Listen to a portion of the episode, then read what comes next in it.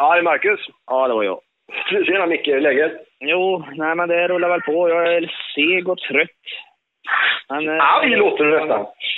Ah, det kan man inte säga, men det, det är klart att det tar väldigt in på det här. Jag vet inte hur jag ska få ihop detta ärligt talat. För att eh, det Vad är det oerhört... Nej, men jag håller på med den här Torsten och det, det är väldigt upp och ner och fram och tillbaka och det är ju jäkligt svårt med tider och vad begriper han och vad begriper han inte.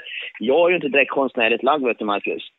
Nej, det, här är jag- så, det här är så konstnärligt så att det, det, det, det är långt över mitt huvud detta. Det är Men har du- långt över mitt huvud. Men vart är vi på en skala nu då? Var, var, vart är ni i er kontakt liksom? När ringer han? Hur ringer han? Och vilken status är han? Får vi med honom eller vad händer? Ah.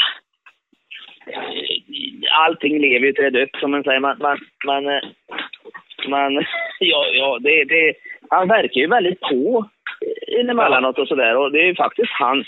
Nu, när jag hade gett upp det här, för jag tänkte jag orkar inte dra det här lasset. Vet du. Då, då börjar han att kontakta mig för alldeles möjliga konstiga tider när det aldrig passar. Men svarar du inte, nej då jävlar, då kan det ju ta en, liksom, eh, tre, fyra dagar innan du får connection med honom igen. Och han har ingen förståelse alls. För att det, det är ganska mycket saker som ska dras ihop för att få, få till detta. Då. Så det, det är väl där problematiken ligger. Liksom. Och, och det är ingen idé att... Ja, ja, jag vet inte vad det finns för idéer helt enkelt. Ja. Jag läste i tidningen att han får amfetamin på recept enligt egen utsago. Vad tror du om det? Nej, jag tror inte ett skit på utan det får han nere på gatan. Ja, men du, du, får, du får kämpa. Du får höra av dig om du behöver min hjälp i någon mening, i någon form. Så får du kämpa på, så får vi hoppas att vi kommer till en konklusion att vi får... Vi får... ehm, Du, jag Menar läste om... menar, du att du, menar du att du skulle förstå det? Ja, i och för sig, du är konstnär. Ja, fast jag tar inga droger. Det är det som är grejen. Så jag tror nog jag är lika loss som du.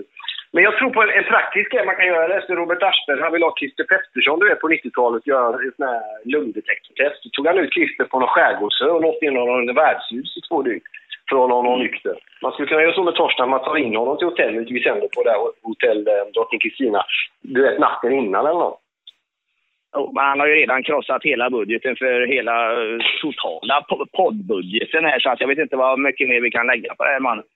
Vi får se. Och Vad är det han ska säga som är så fantastiskt och som alla andra vill höra på liksom? Det är, li- det är lite den nivån jag börjar, jag börjar, jag, jag börjar surna till lite grann. kan jag säga. Ja, okej.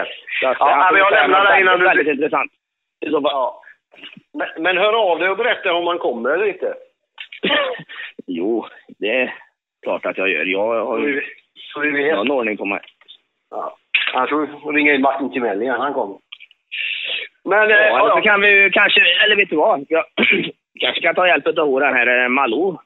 För de verkar ju komma bra överens. Där sitter han ju varannan vecka i den soffan Ja. där. Hon kanske kan... Vad, vad har hon för lösningar på detta? Tar hon också droger eller? Nej, det tror jag inte hon gör. Jag kan kolla med henne, jag känner henne i och för sig. Jag kan kolla möjligen. Men gör ett sista försök där, annars så får vi ta till något drastiskt, mer drastiska Det, det, är du och, det är du och Torsten Flink. Som sitter hos Malou, ja. Ja, det säger nog mer om Malou än om någon annan faktiskt. Ja, men ta hand om det mellan varven så hörs vi då. Over and out.